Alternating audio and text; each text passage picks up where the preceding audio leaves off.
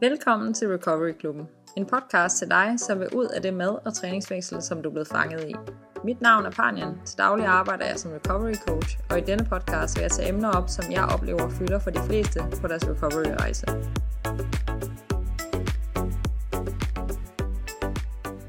Hvis der var en tanke, der gik igen i mit hoved øh, mange gange, da jeg havde en spiseforstyrrelse, så var det, det er ikke så slemt. Du har styr på det. Du behøver ikke at involvere andre i det her. Du behøver ikke hjælp. Det er bare fordi, du har eksamener. Du skal giftes lige om lidt. Jeg blev ved med at finde alle mulige grunde til, at det her det nok bare var midlertidigt. Jeg rationaliserede konstant min adfærd, og hvordan jeg havde det, og fortalte mig selv, at der var mennesker, der var meget mere presset end mig, og meget mere syge, og jeg bare skulle hanke op i mig selv, så skulle jeg nok få styr på det.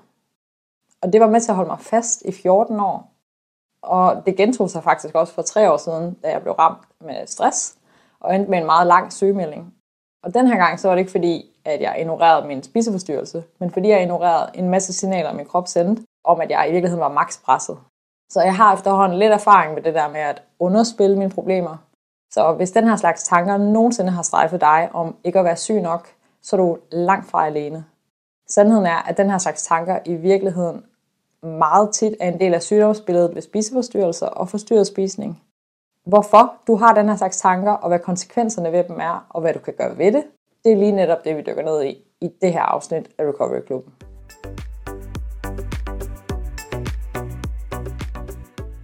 Så hvorfor underspiller vi så tit vores problemer og adfærd omkring mad, krop og træning? Der er særligt fire årsager, jeg kan genkende, øh, der typisk spiller en rolle. Den første, det er det, jeg kalder sammenligning. At du er blevet fanget i en eller anden idé om, at spiseforstyrrelser har et bestemt look, eller en bestemt kropstype, øh, bestemt aldersgruppe, specifik køn eller andet. Den anden, det er tilvænding, hvor du oplever en eller anden form for normalisering af den adfærd i det miljø, du generelt befinder dig i, altså at andre også gør det, du gør. Den tredje, det er frygt for afvisning.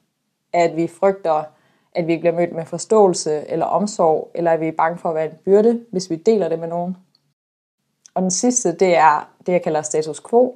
Altså den her fortælling om, at du ikke er syg nok, den gør, at du ikke behøver at ændre noget. Og som mennesker, så foretrækker vi altid at blive i det her status quo.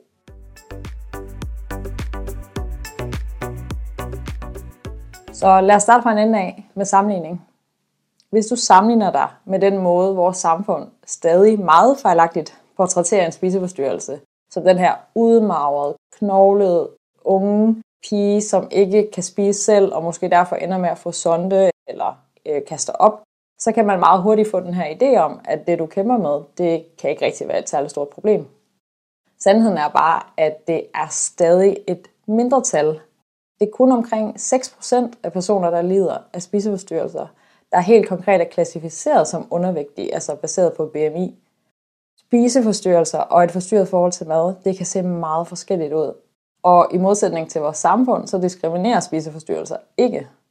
Så det vil sige, at din vægt, dine blodprøver, dit køn, din alder og alt andet, der kunne være, det er ikke det, der retfærdiggør, om du har brug for hjælp.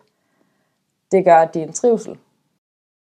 Det er klart, at der er nogen, der oplever, og det gør jeg også selv, at man så udtrykker, at man har de her problemer til en læge eller noget andet, og man ikke bliver taget alvorligt, og, eller måske ikke kan få hjælp. Og det er et kæmpe problem, og det bliver generelt meget sjældent optimalt, når at man er nødt til at putte mennesker i nogle bokse for at kunne hjælpe dem. Der vil altid være nogen, der falder igennem, og der vil være nogen, der bliver tabt, og det er en hel debat, øh, som er meget relevant, og som heldigvis er kommet meget mere fokus på. Men du har ikke råd til at gå og vente på at, og håbe på, at det her det kommer til at ændre sig lige om lidt. Du er nødt til at forholde dig til det lige nu. Så den ene form for sammenligning er det her i forhold til vores samfund. Den anden måde at sammenligne, det er, at vi sammenligner med os selv fra en gang, hvor vi havde det dårligere. Det kan være, at du har været en af dem, der var indlagt og var kategoriseret som undervægtig, havde skæve blodprøver, eller du havde nogle meget sådan tydelige symptomer før, og nu ikke har dem længere, og derfor ikke rigtig passer ind i den her kasse. Øh, eller at du måske ikke møder andres bekymring. Og det hele mest af alt foregår inde i dig.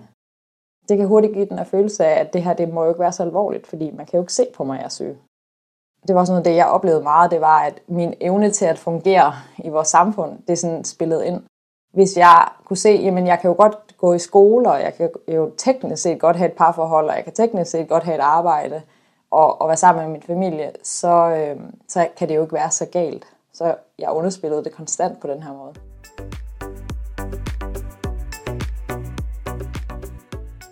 Så kommer vi til det her med tilvænning. Hvis nu, at du befinder dig i et løbermiljø, så er der rigtig ofte en forståelse, eller en fælles forståelse for, at hvis man presser sin kropsvægt ned for at præstere, så er det okay. Hvis du er i et crossfit-miljø måske, så er der rigtig mange, der kan have en forventning om, at alle spiser og træner på den samme måde, eller man i hvert fald ser, at andre de også har de her kasser med øh, særlig øh, mad med. Det kan også være, at hvis du deltager i sådan noget vægtklassesport, så er det en helt selvfølge, at man for eksempel faster, inden man skal vejes. Sådan noget, det bliver meget hurtigt vores normal. Jeg er godt med på, at vi skal passe på, at vi ikke sygeliggør det, der er øh, normalt. Men vi skal eddermame også sikre os, at vi ikke normaliserer det, der er sygt. Det her, det sker ikke kun blandt sportsfolk og modeller og dansere osv. Det er i virkeligheden det faktum, at vi lever i en kultur, der har en idé om, en helt forfejlet idé om sundhed, og som har normaliseret, at vi har et kæmpe fokus på mad og vægt og krop. Hvis vi lever i en kultur, hvor det er normalt at høre mennesker i metroen eller i skolen, eller når man sidder med sine venner, snakke om, at de skal passe på, de har syndet, eller at de føler dårlig samvittighed efter de har spist, eller som jeg tydeligt kan huske, dengang jeg gik i folkeskole, en pige, hun sagde, hvis nu at jeg føler, at jeg har spist lidt for meget, så kaster jeg bare lige det værste op, som om det var helt normalt. Når vi normaliserer den her type af adfærd, så er det meget svært at se, at det kan være problematisk. Men bare fordi det er blevet normaliseret, så betyder det ikke, at det ikke er et problem, og at du bare skal finde dig i det og acceptere, at du har det skidt. Bare fordi du oplever, at andre omkring dig de kan leve i den her konstante kontrol, eller at de lever med den her evige dårlige samvittighed, eller måske udefra ligner, at de kan godt få det her til at fungere, så betyder det ikke, at du kan, eller at du skal. Du er nødt til at flytte fokus tilbage til dig selv. Hvordan har du det? Hvordan trives du i det?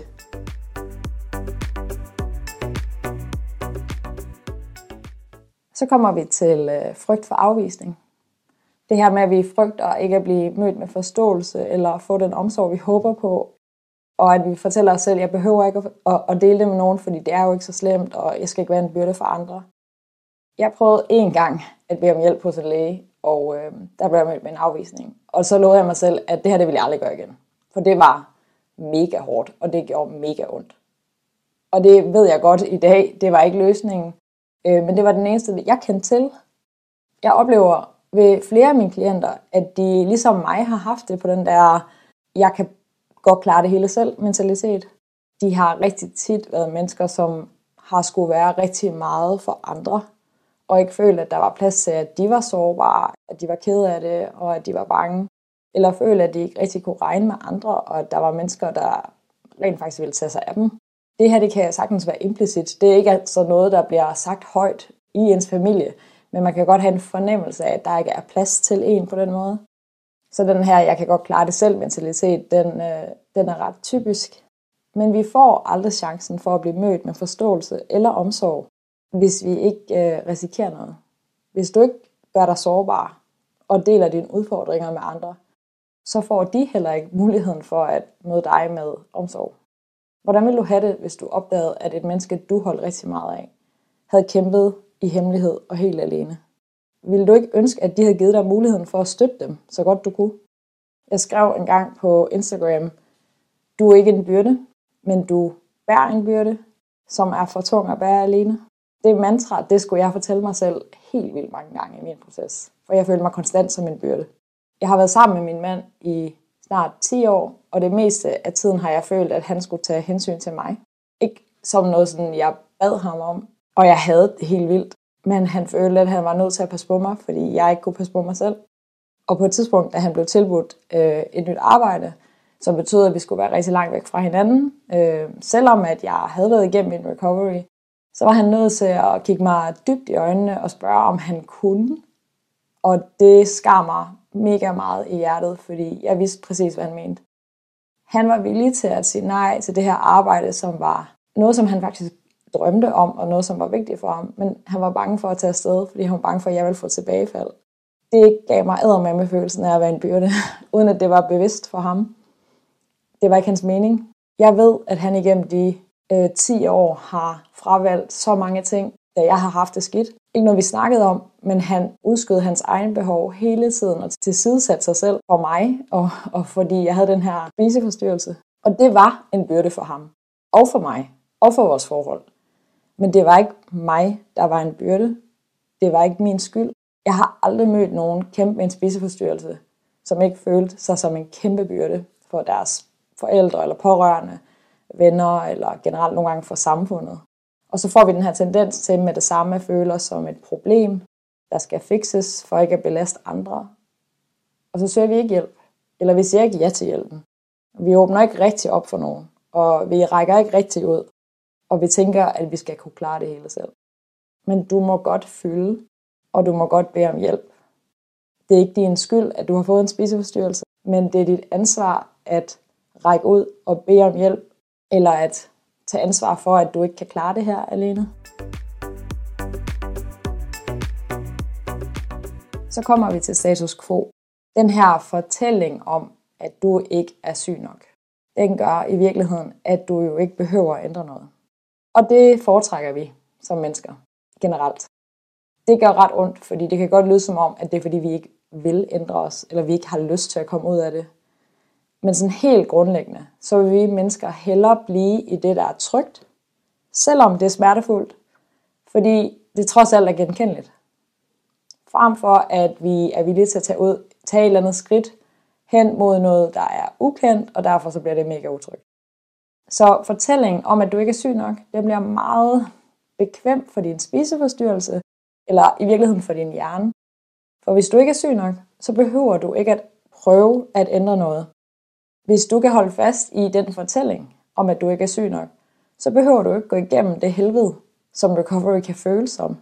Men sandheden er, at hvis du har tanker om, om du er syg nok, så er du det nok. Man går ikke bare rundt og undrer sig, om man er syg og har et problem, hvis der ikke er et eller andet inde i en, som fortæller en, at der er et eller andet, der er galt.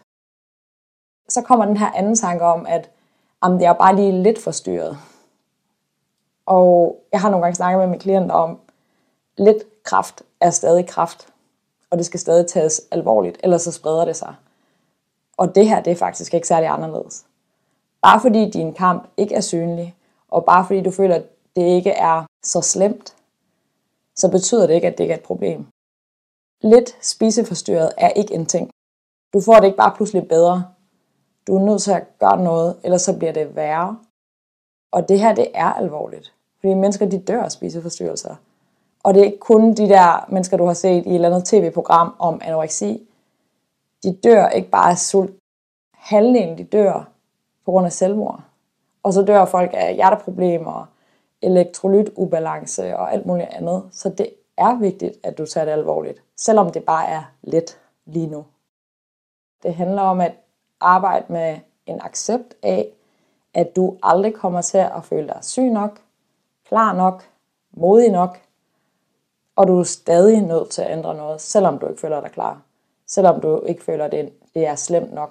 Og når den her fortælling kommer om, at men det kan jeg jo ikke, man kan jo ikke rigtig blive slippet ud af det her alligevel, så er det også en del af den fortælling, som passer din spiseforstyrrelse meget godt.